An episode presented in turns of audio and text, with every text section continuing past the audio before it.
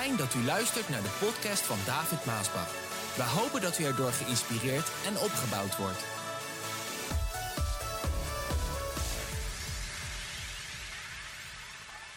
Vandaag ga ik u meenemen naar het wonder van Bethesda.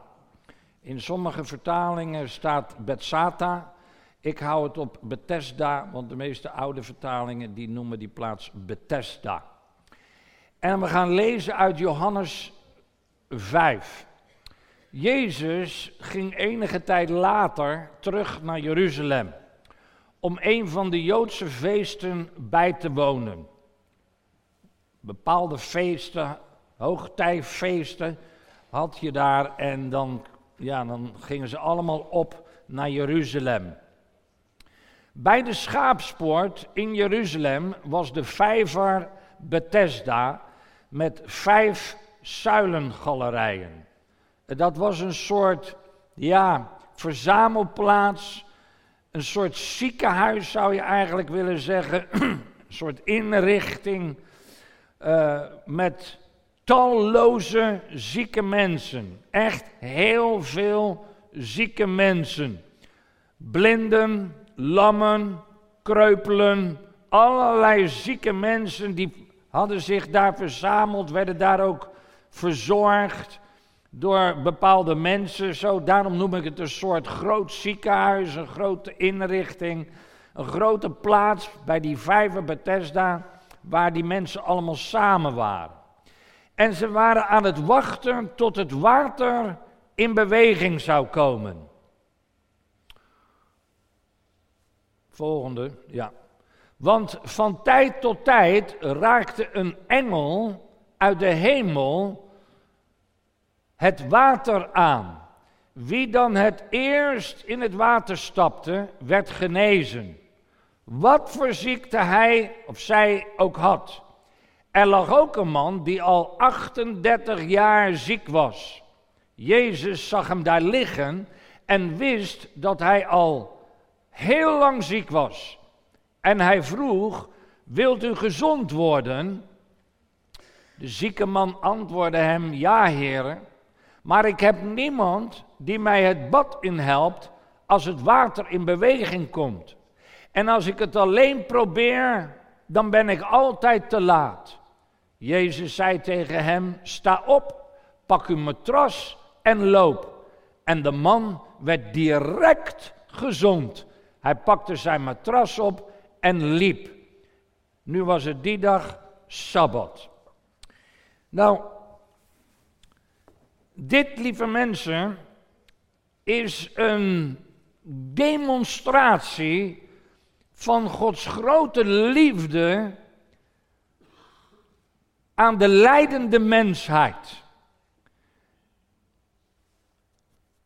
Er staat ook ik meen dat ik het hier niet zag, maar zelfs ook de Blessing Bijbel, engel met een hoofdletter. En overal waar engel met een hoofdletter staat, daar zie ik de Heer Jezus in. Het was echt een demonstratie wat daar gebeurde. Een demonstratie van de liefde van God die kwam. En als hij kwam, dan werd de eerste persoon die in dat water kwam gezond, genezen. Ik vind het heel bijzonder. Ik las dit natuurlijk, ik las het nog een keer en nog een keer. En dan ga ik erover nadenken, zoek ik de Heer ook. En dan zie ik eigenlijk dat in die dagen gebeurde er helemaal niks aan wonderen. Er was niemand in die dagen voor de komst van Jezus, die de mensen predikte om geloof te hebben in het woord van God, dat God in Exodus had gezegd, ik de Heere ben uw heelmeester. Dat had God gezegd. Dat was bekend dat het daar stond in Exodus. Had God dat gezegd voor zijn volk. Ik de Heere ben uw heelmeester. En er was niemand, geen enkele prediker, die Dat geloof predikte aan de mensen, je kan gezond worden, want de Heer God is onze heelmeester. En omdat er niemand was, kwam God, kwam Jezus, kwam de engel van tijd tot tijd om dat water aan te raken, waardoor hij toch kwam om genezing te brengen. Zij het voor die enkele die erin sprong. Als je de Bijbel leest, dan zie ik dat dit een soort trend is. Wanneer God een, zijn engel stuurt. Want in de dagen voor Mozes bij Israël was er niemand en geen enkele prediker die predikte wat God tegen Abraham had gezegd, dat het volk in gevangenschap vrij zou worden, vrij zou komen. Want dat had God gezegd. Mijn volk zal in gevangenschap komen, maar na 430 jaar zullen ze uit gevangenschap geleid worden. Er was niemand die dat predikte. Niemand. Dat werd niet gehoord. En dan lees je in Exodus 3, vers 2. Daar verscheen de engel van de Heer aan Mozes, aan hem, als een vuurvlam, midden in de braamstruik. Toen Mozes zag dat de braamstruik wel van had gevat, maar niet verbrandde, liep hij er naartoe om het beter te bekijken. Hij liep er naartoe om het beter te bekijken. En daar sprak God tot Mozes. Je ziet ook hier weer engel met een hoofdletter. Het was God die kwam, de engel die sprak. Ik zou willen zeggen, Jezus sprak tot Mozes om hem te vertellen dat hij het volk moest bevrijden. Omdat er niemand was die dat predikte.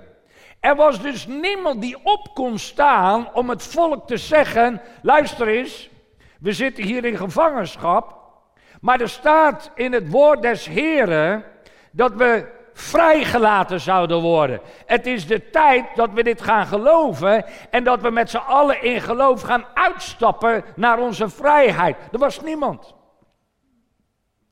Daarom kwam de engel des Heren, vertelde het tegen Mozes en Mozes stond op en ging doen wat God zei dat hij moest doen. Je leest datzelfde in Richteren tegen Israël. In Richteren 2, daar lees ik. De engel van de Heere, weer met een hoofdletter, want er staan ook een heleboel keer engel met niet met een hoofdletter. Hè?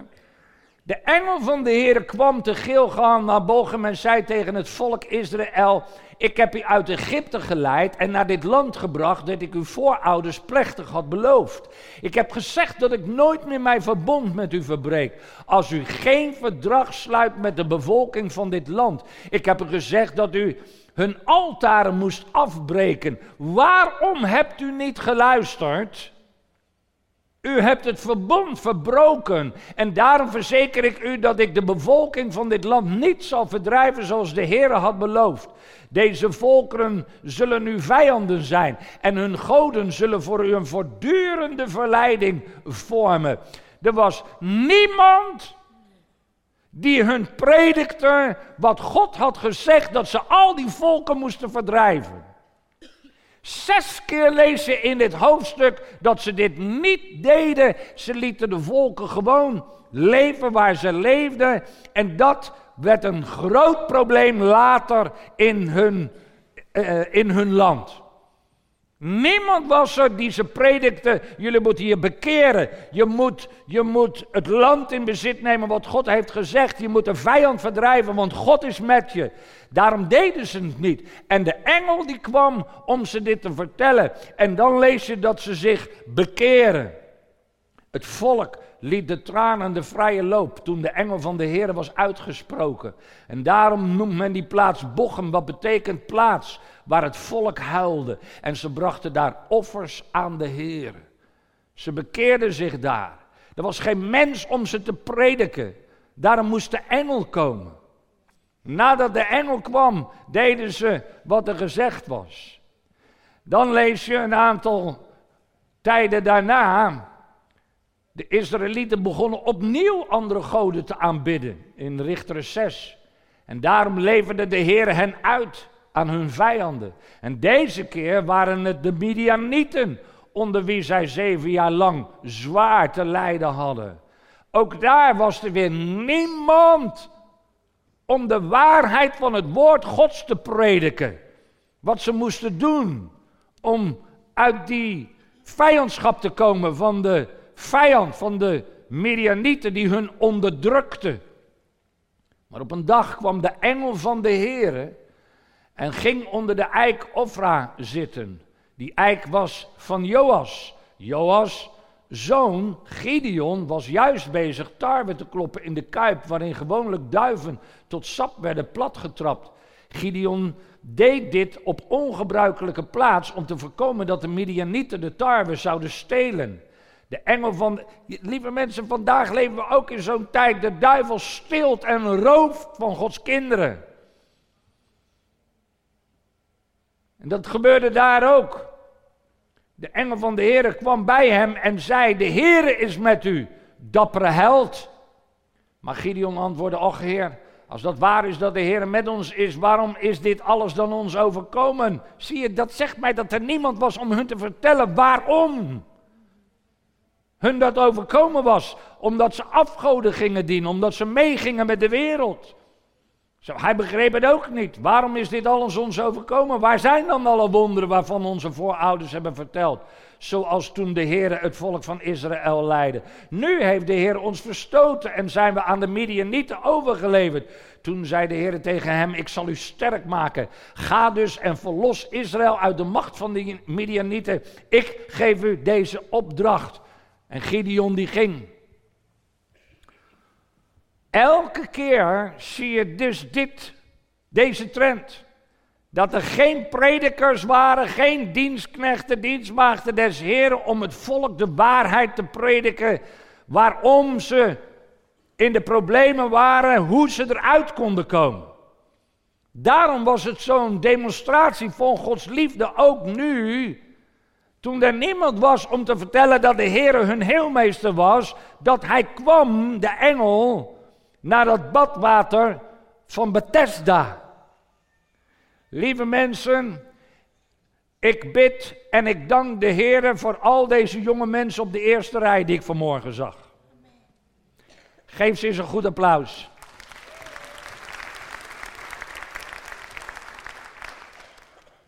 Want de Heer sprak ook door de engel. Veel meer gebeurt dit, hè, waar we het over hebben. Jezaja, Jeremia, Elia, elke keer kwam de engel des Heren en bracht verandering. Ik bid dat die jonge mensen hier, ik vind het geweldig dat jullie op zondagmorgen geweldig op tijd zijn in het huis des Heren en nog wel op de eerste rij ook. En dat je dit woord mag horen. Want ik bid dat de Heer jullie zal gebruiken als zijn vaten, als zijn werkers om het evangelie van waarheid te prediken, wat ik vandaag ook tot jullie predik. Heb even je hand naar ze toe, heren, dat u ze allemaal zal zalven met de kracht van uw Heilige Geest. Want u roept een nieuwe generatie die de waarheid van uw woord zal prediken. Dat u de grote heelmeester bent. De verlosser en de zaligmaker. Halleluja. Ja, geweldig eigenlijk. Zo was het dus ook in Bethesda. Van tijd tot tijd kwam dus de engel uit de hemel. En op een of andere manier was daar een soort engelflits. Er gebeurt altijd iets bijzonders als, als een engel komt. Zal er een engel in je kamer staan ineens. Ho. Maar in ieder geval een soort flits en dan begon het water te bewegen. En zij kwamen erachter, al die zieke mensen die daar waren, die kwamen er dus achter na verloop van tijd dat als de engel was nedergedaald en het water bewoog. En de eerste die daar dan insprong of in dat water kwam, die werd genezen. Daar kwamen ze achter. Zo, dat was een hele hype. Dat als de engel kwam en het water bewoog, ja, dan poeh, dan was daar een massasprint naar dat water toe. En dan werden ze genezen. Mooi is dat eigenlijk. Wat een, wat een liefde van God. Nou, dat zegt mij ook, brengt mij bij het volgende punt.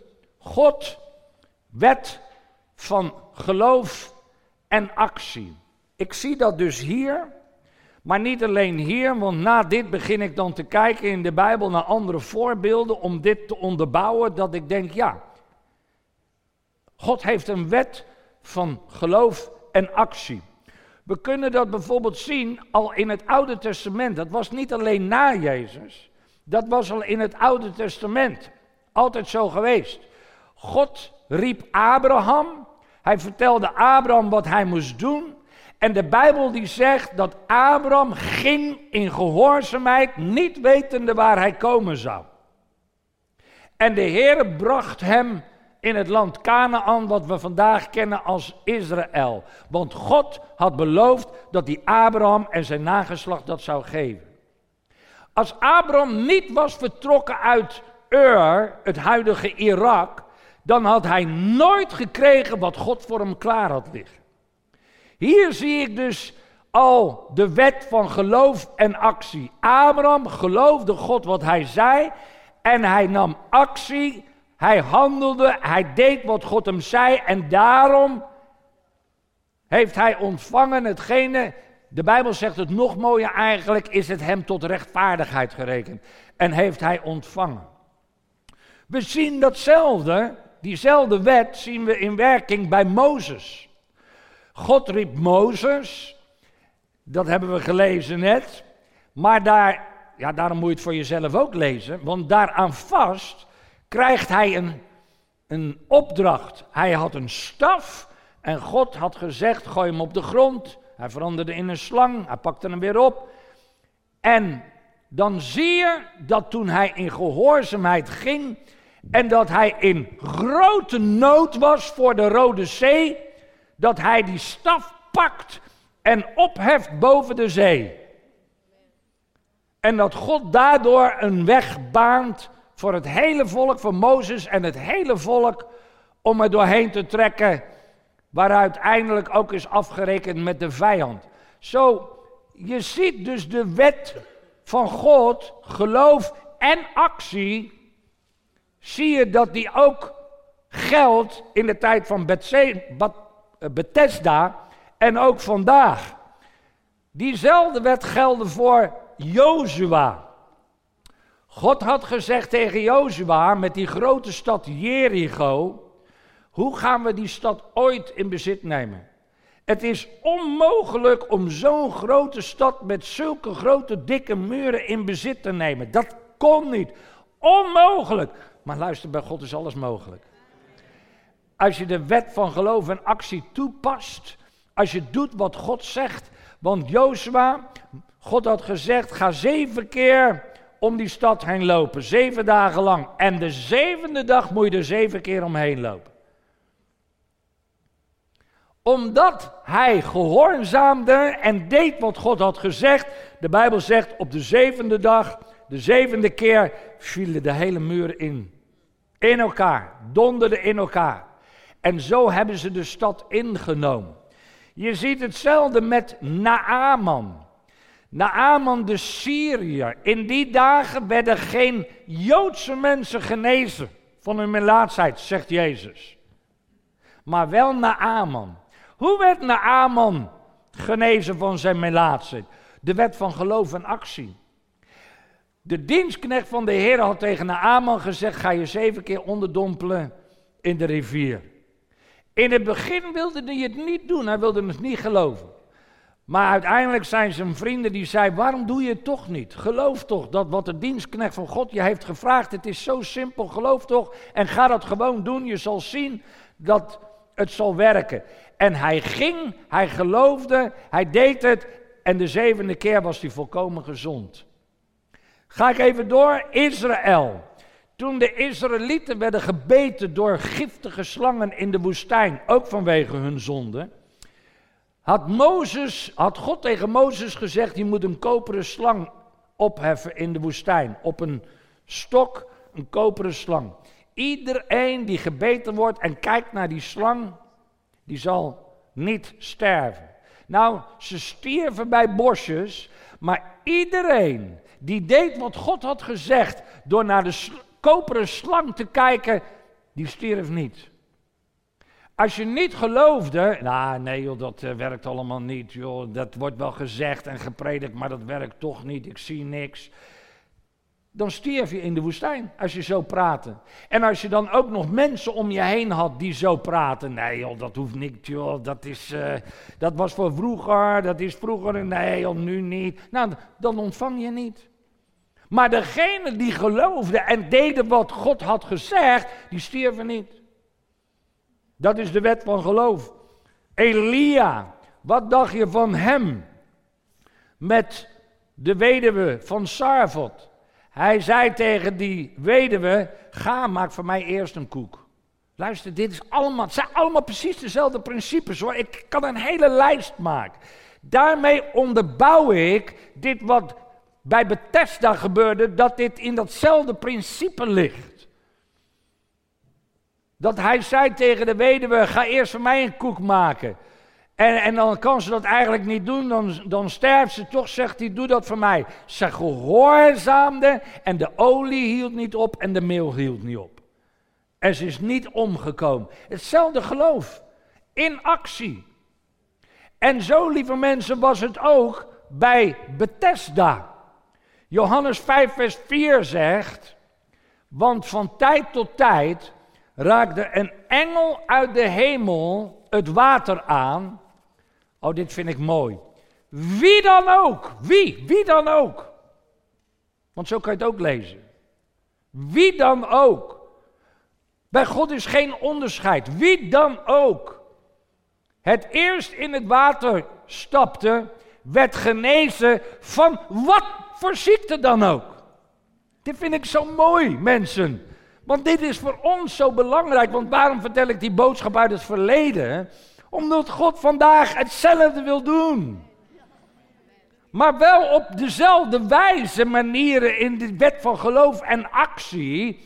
En het mooie is dan, wie dan ook, wie ook bent, God maakt geen onderscheid.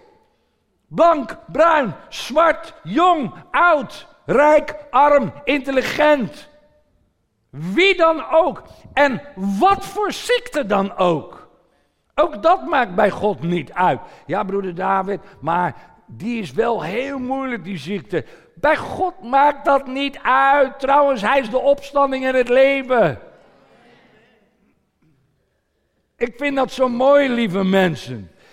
Die wet van uh, Geloof en actie, die werkt ook altijd met horen en doen. Die, dat gaat in hand in hand. Horen en doen. Want geloof is, je hoort het. De Bijbel zegt, als je hoort dan ga je geloven. En als je het gelooft, dan moet je het doen.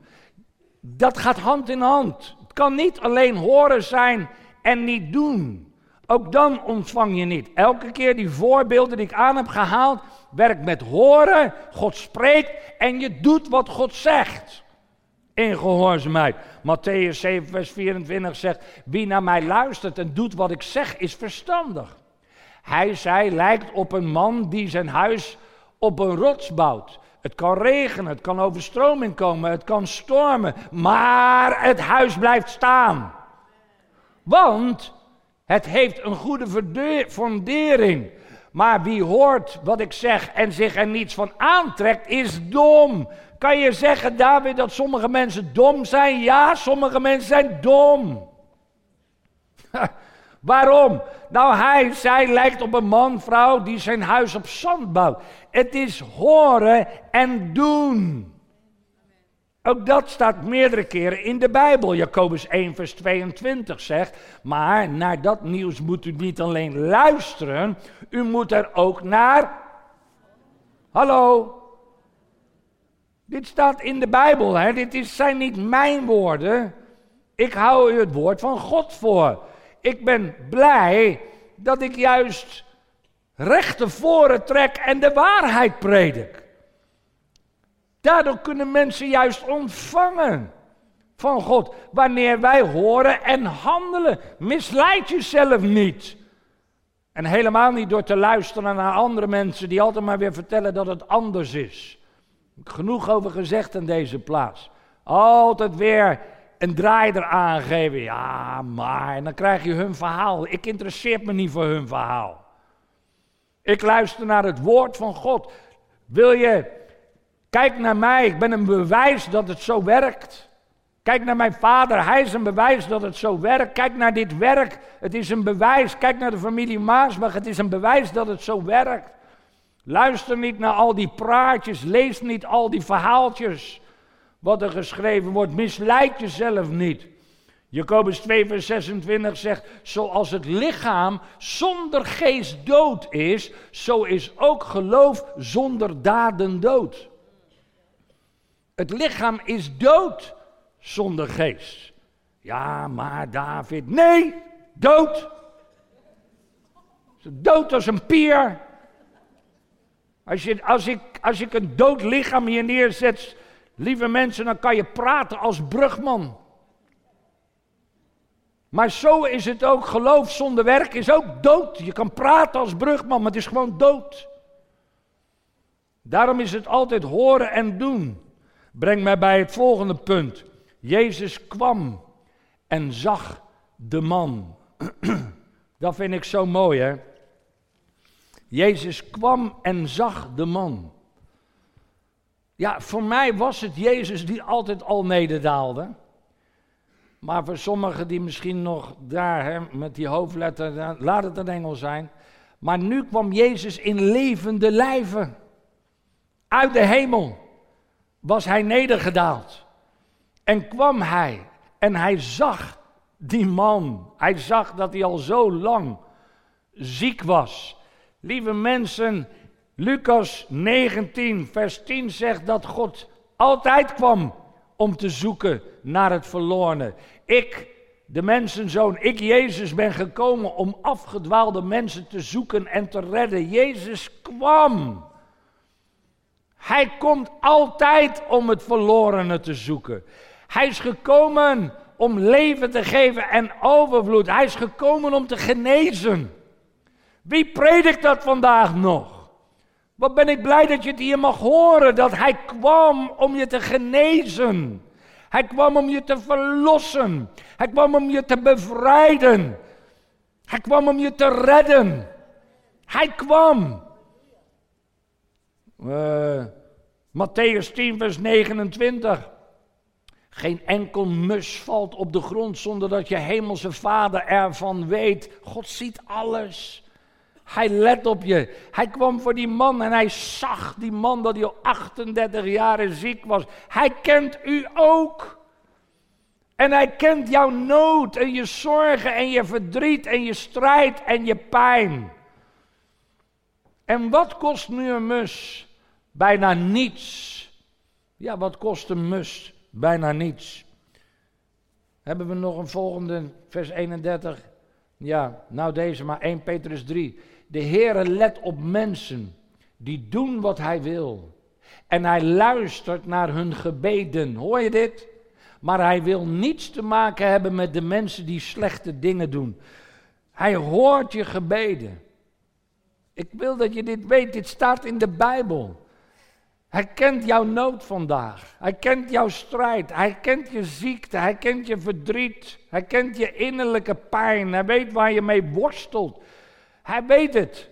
Als je worstelt met zaken. Misschien met je kinderen, misschien met de huwelijk, misschien met je eigen leven. Uh, Jeremia 33, vers 3. Vraag mij. En ik zal u enkele wonderlijke geheimen vertellen. God zegt: Vraag mij, ik wil tot je praten. Hij kwam bij die man, hij kwam voor u. Matthäus 7, vers 7. Bid en u zal ontvangen waarvoor u bidt. Zoekt en u zult vinden wat u zoekt. Klopt en de deur zal voor u worden opengedaan. Dit zijn woorden van Jezus. Ook vandaag tot jou. Ook tot mij. Ik heb het altijd als waarheid aangenomen, deze waarheden. Ik ben blij dat mijn vader altijd die waarheden al preekte. En dat werd hem ook niet altijd in dank afgelegd. Maar lieve mensen, ik doe hetzelfde en dat zal ook niet allemaal in dank worden afgenomen. Maar het is wel de waarheid. God houdt van de mens. En hij kwam voor iedereen. Jezus kwam voor iedereen. Breng mij bij het volgende punt. De reden dat de man niet genezen werd. Er was een reden waarom de man die 38 jaar niet genezen werd.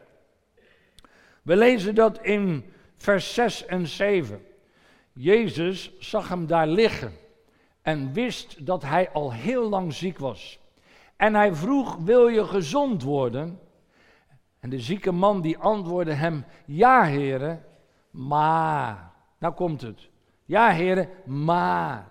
Ik heb niemand die mij het bad inhelpt als het water in beweging komt. En als ik het alleen probeer, ben ik altijd te laat.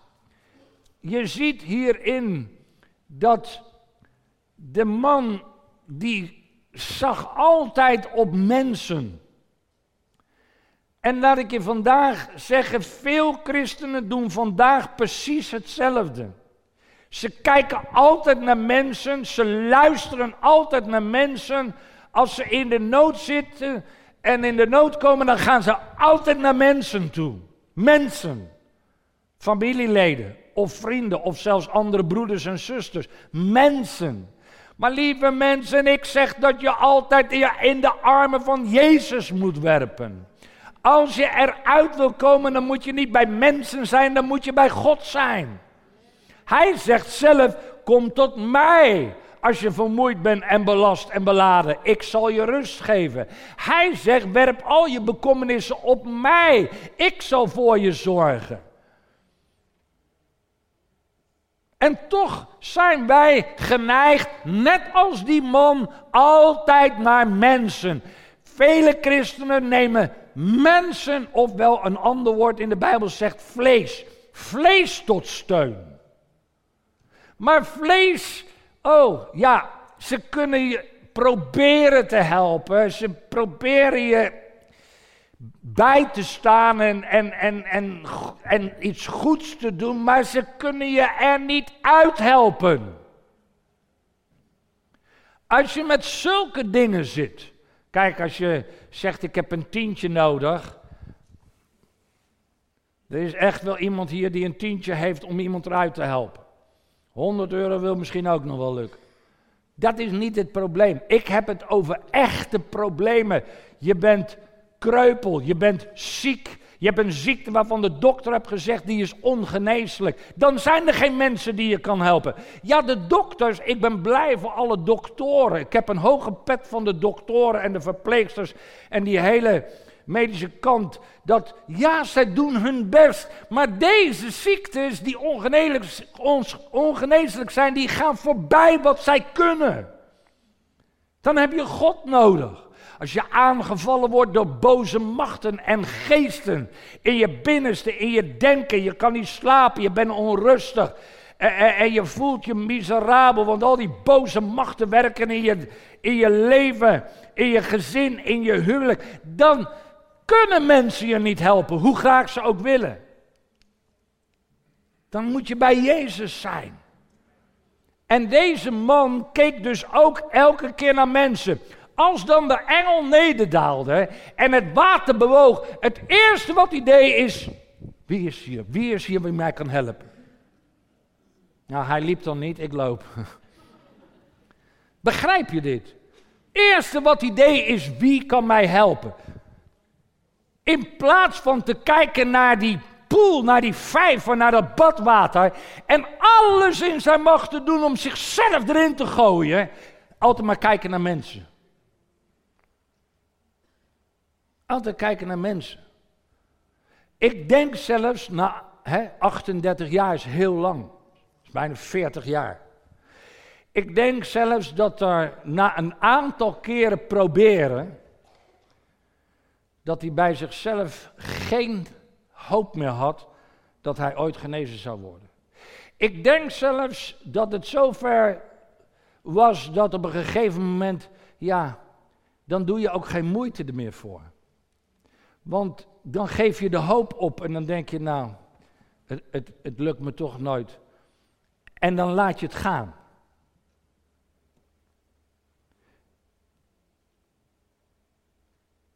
Het wonder, hè? Zo dichtbij, maar onbereikbaar. Zo dichtbij, maar onbereikbaar. En eigenlijk geldt dat voor veel christenen. En luister lieve mensen, dan hebben jullie nog het voorrecht om het woord van God in waarheid en rechtheid te horen. Maar in vele kerken wordt dit nooit gepredikt. Wat u altijd weer hoort en eigenlijk zo gewoon bent om te horen. Vele kerken wordt het nooit gepredikt, nooit gezegd zoals in die dagen. Daarom ben ik blij dat de jonge mensen het mogen horen. Dat ze het geloven opnemen en dat ze de fakkel verder zullen dragen. Dat is mijn gebed. Opdat het gepredikt zal worden als ik ook ouder word. En ik bid natuurlijk dat er anderen zullen komen. Dat er een generatie opkomt die dit gelooft. Die dit predikt. Die niet bang is voor alle tegenstand. Alle narigheid die dan geschreven en gezegd wordt, maar die staan voor de waarheid. Lieve mensen, wij moeten ook vandaag staan voor de waarheid.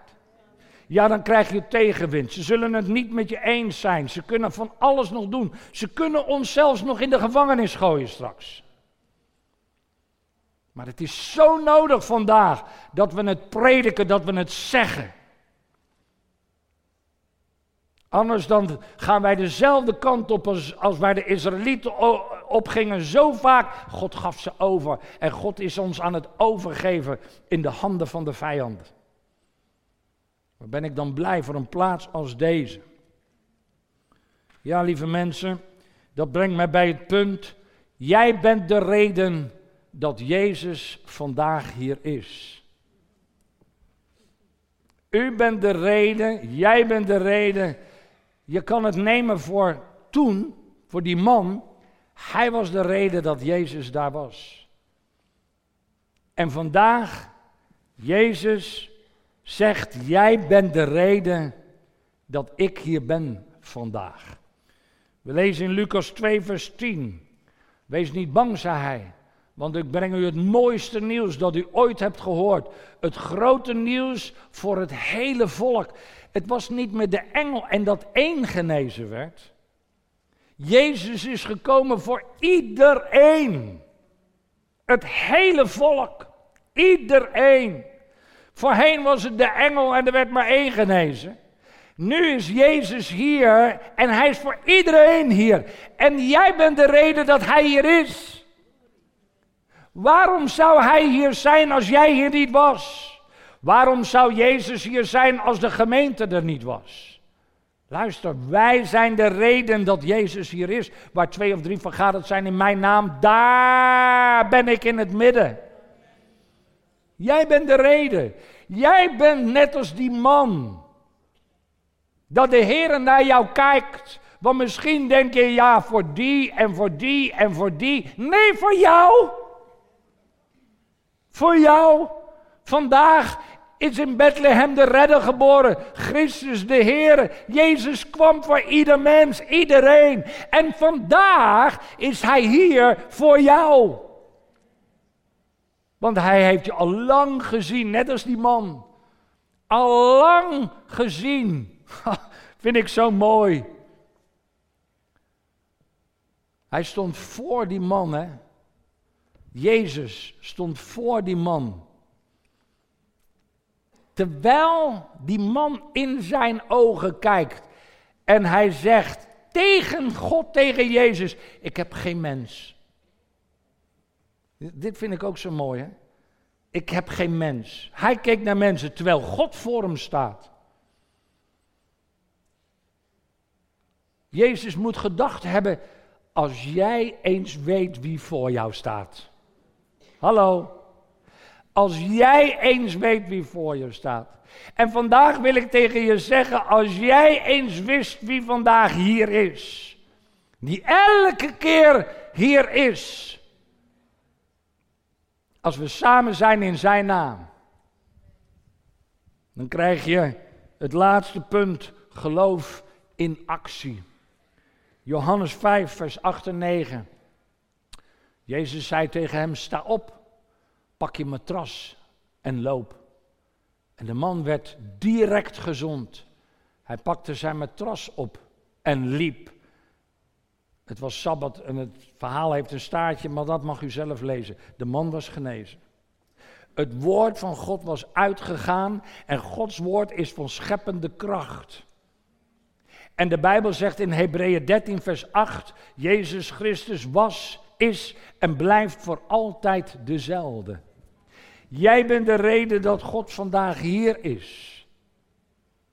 Elke keer als jij naar dit huis komt, is Gods geest hier. God is hier met zijn geest. Waarom? Omdat jij hier bent. En hij heeft al lang gezien. Met al je nood en al je problemen en al je moeilijkheden. Ieder individueel, want hij kwam voor iedereen. En als hij dan spreekt omdat je handelt in geloof, je gelooft hem op zijn woord. En vandaag doe ik dat door het woord te prediken, door het te vertellen, door het te zeggen. In dat geval hebben we geen engel nodig. Gods geest gebruikt mij, mijn stem, om het jou te vertellen. En omdat hij dan spreekt, is zijn woord van scheppende kracht. God kan een wonder voor je doen. En hij wil een wonder voor je doen. Maar geloof zonder werken is dood. Er komt ook van jouw kant wat bij kijken. Dat je, dat je hem neemt op zijn woord en doet wat hij van je vraagt. Heer, ik dank u voor dit heerlijk samen zijn. Dat uw woord zo vrijelijk en in waarheid in ons Nederland uit mag gaan. Dat uw woord uitgaat en zal doen waartoe het gesproken wordt zonder dat het ledig wederkeert. Dat het geneest, verlost, bevrijdt en redt. En dat u nog steeds dezelfde bent. Heer, u kent iedereen aan deze plaats. U weet wie iedereen is. U weet ook en kent hun nood. En nu bid ik u op uw woord, Heer, dat u zal komen en het wonder doen.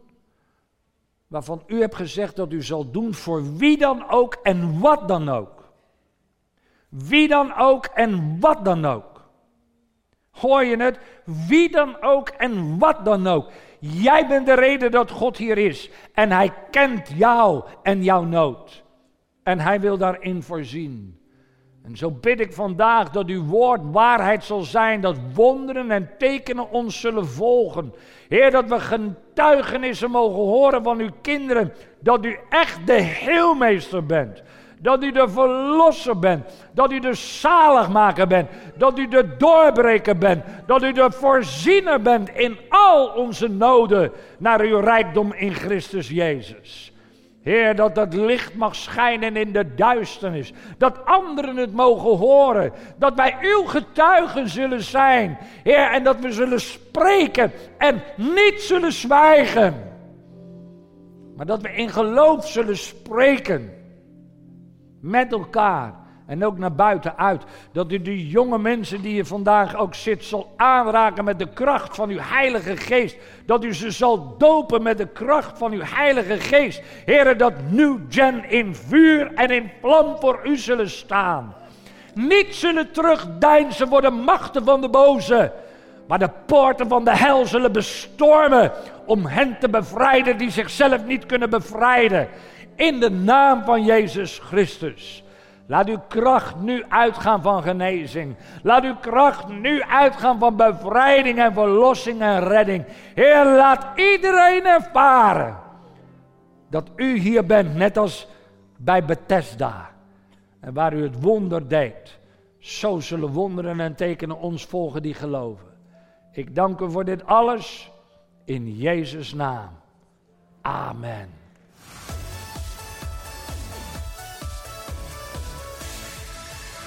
Bedankt voor het luisteren naar deze podcast.